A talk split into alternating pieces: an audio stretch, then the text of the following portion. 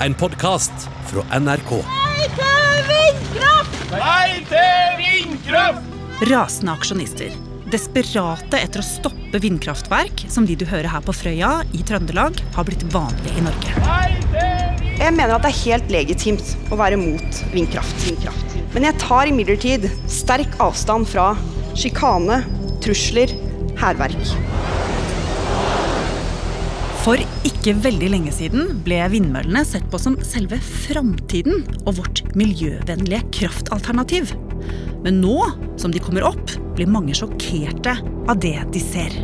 Når kommunen blir overkjørt og mellom stans, trues de med statlig overstyring av kraftselskapene. Men sist fredag kom regjeringen med et forslag som bremser vindmølleutbyggingen her i landet. Hva betyr det? Er ikke vindmøllene fremtiden likevel?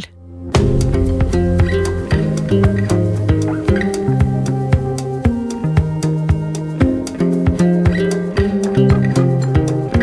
hører på Oppdatert.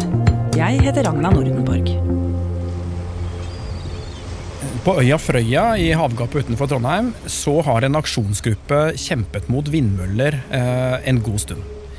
Men i fjor sommer så kom anleggsmaskinene fram og var klare til å bygge. Halvard Norum er journalist og jobber med klima her i NRK. Og allerede første kvelden maskinene sto der, eh, så ble en av maskinene, og det er ikke noen annen måte å si dette på egentlig, at det ble smurt inn med bæsj. Eh, Dører ble limt igjen, låser ble tettet. Og enda verre, en av de som jobbet i eh, dette selskapet, Trønderenergi, som skal bygge ut vindkraft på Frøya, hun opplevde noe veldig skremmende. Hun var på vei hjem i en bil, og oppdaget da en annen bil som la seg tett bak henne, før den kjørte forbi og ifølge henne bråbremset flere ganger. Så forsvant den ut av syne, før den plutselig kom tilbake igjen i motsatt kjørefelt, altså i hennes kjørefelt, i full fart, og hun opplevde at den forsøkte å presse henne av veien. Så hun var livredd og ringte til politiet. Og dette hadde altså noe med vindkraftmotstand å gjøre, siden hun jobba med denne vindkraftutbyggingen på Frøya. Ja, det er det all grunn til å tro, selv om eh, denne aksjonsgruppa mot vindkraft på Frøya alltid har sagt at de tar avstand både fra trusler, sjikane, hærverk osv., og den mannen som seinere ble tiltalt for denne hensynsløse kjøringen, eh, ikke var fra Frøya, men eh, bodde i Trondheim. Men det er ikke bare på Frøya at folk protesterer. I kveld var det folkemøte om vindmølleutbygging i Bremanger i Vestland fylke. Søndag så arrangerer Turistforeningen en protestmarsj mot vindmøller i Evje og Hornnes kommune. Vi mener at her i dette fantastiske området eh, med den vakre naturen, så bør man ikke sette opp disse eh, vindmøllene. For konsekvensene er mange. Havørn og hubro blir kvesta av rotorbladene. Naturen får dype sår som er vanskelig å lege. Og i tillegg så bråker vindmøllene fælt. Her opplever vi søvnløse netter. Her opplever vi vi må legge oss i andre rom. Her er det 22 naboer som har skrevet på et opprop som går på støy og problem av disse vindturbinene. Altså Vindmøller er jo et naturinngrep, og vi har jo lang tradisjon for å lage bråk om naturinngrep i Norge. Vi hadde Lenkegjengen eh, i forbindelse med Alta-kraftverket i 79, vi har hatt monstermassen i Hardanger. Så det er ikke så unaturlig at det blir litt bråk eh, omkring vindmølleparker som skal bygges, men i tillegg så har man det at en del av disse vindmølleprosjektene har blitt noe ganske annet enn det man først så for seg.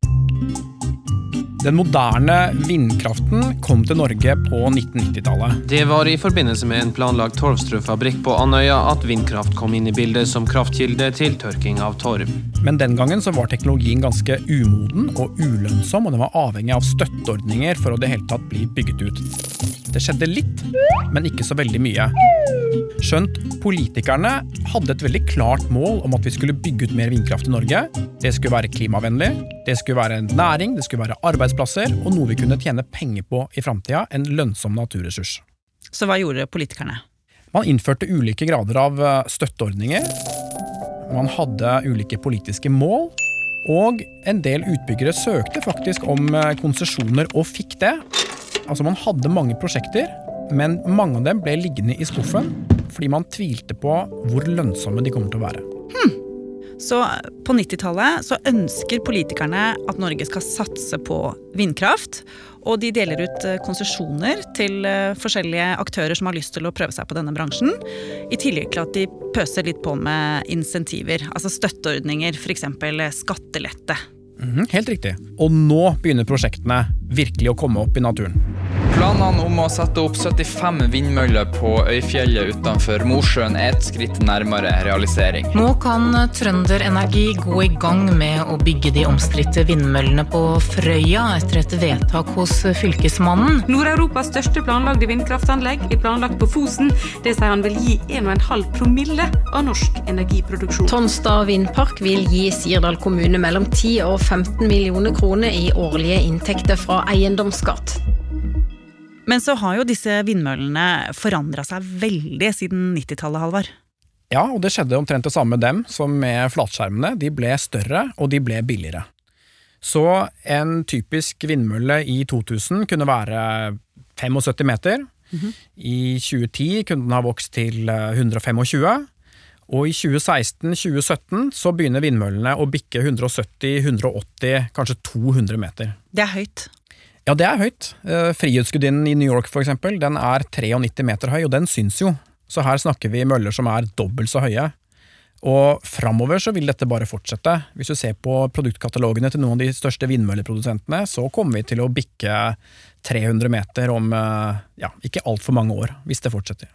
Altså Eiffeltårnet. Da snakker vi Eiffeltårnet, faktisk. Jeg kan jo skjønne at folk ble ganske overraska. Altså, det er jo mange meter forskjell dette her. Ja, det er jo det som har vært problemet, at eh, prosjektet har blitt noe helt annet enn det man så for seg. Riktignok så har jo utbyggerne måttet søke om å få lov til å oppgradere størrelsen på vindmøllene, men det har de ofte fått lov til, fordi eh, det har jo vært et mål om å få eh, lønnsomhet inn i vindkraftnæringen, og større møller er mer lønnsomt.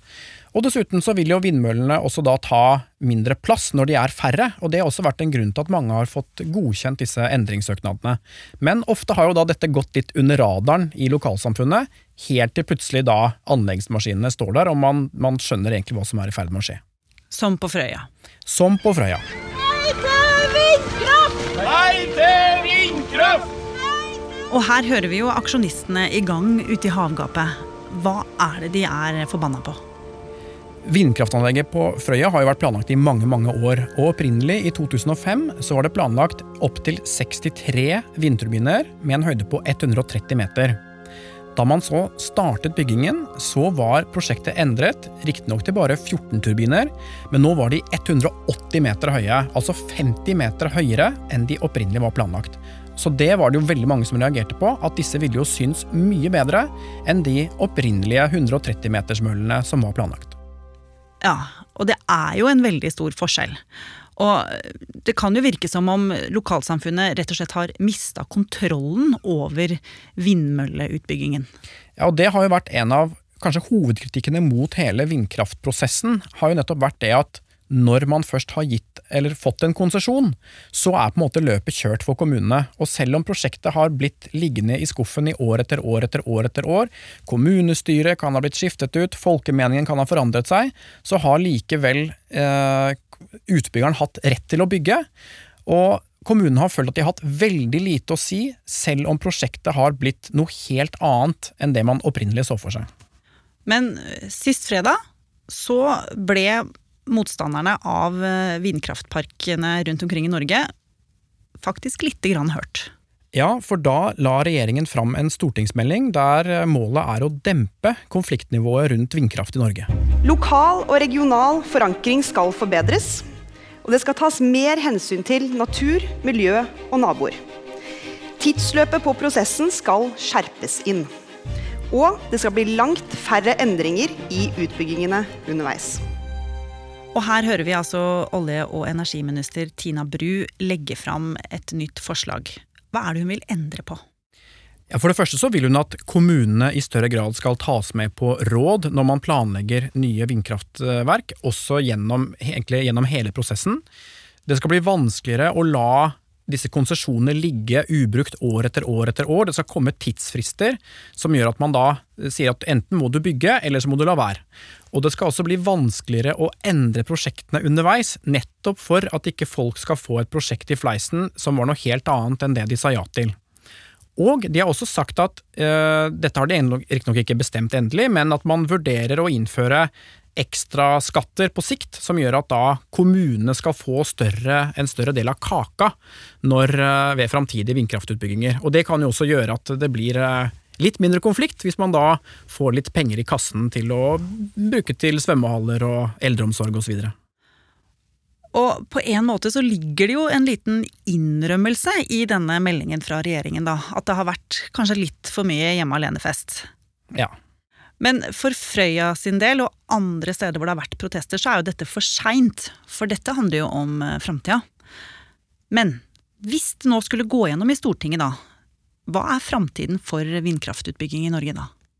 Forhåpentligvis så blir det da litt mindre bråk om vindkraft. Ikke bare fordi prosjektene blir bedre gjennomført, men også fordi det blir færre av dem. Dette handler om at eh, til dels at reglene blir strammet inn, men også fordi at noen av de mest gunstige støtteordningene og skattereglene de er tidsbegrensede, så man har hatt et veldig hastverk med å få bygget ut nå, mens om et par år så er de eh, ordningene borte, og da blir det sannsynligvis mindre trøkk på det å bygge ut eh, vindkraft i seg selv.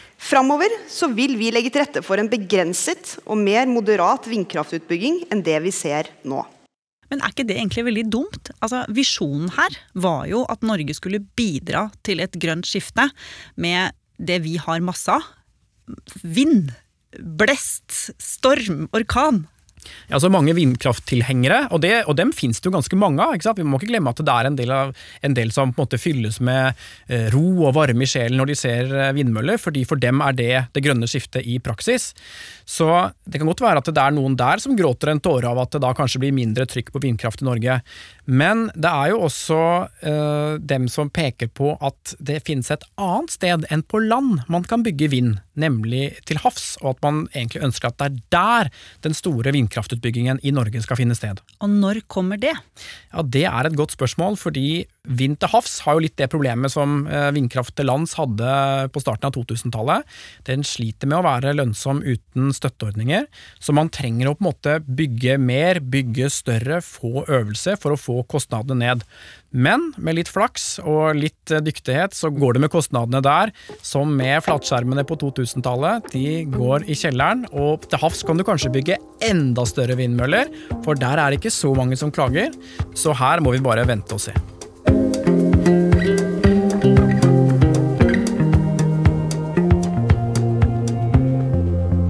Oppdatert er en podkast fra NRK Nyheter. Og hvis du ikke vil gå glipp av neste episode, så kan du abonnere i appen NRK Radio. Bare søk på Oppdatert, så finner du oss. Denne episoden var laget av Ida Tune Øritsland, Petter Sommer og meg, Ragna Nordenborg. Vil du kontakte oss, gjør det på oppdatert krøllalfa nrk.no. Du har hørt en podkast fra NRK. Hør flere podkaster og din favorittkanal i appen NRK Radio.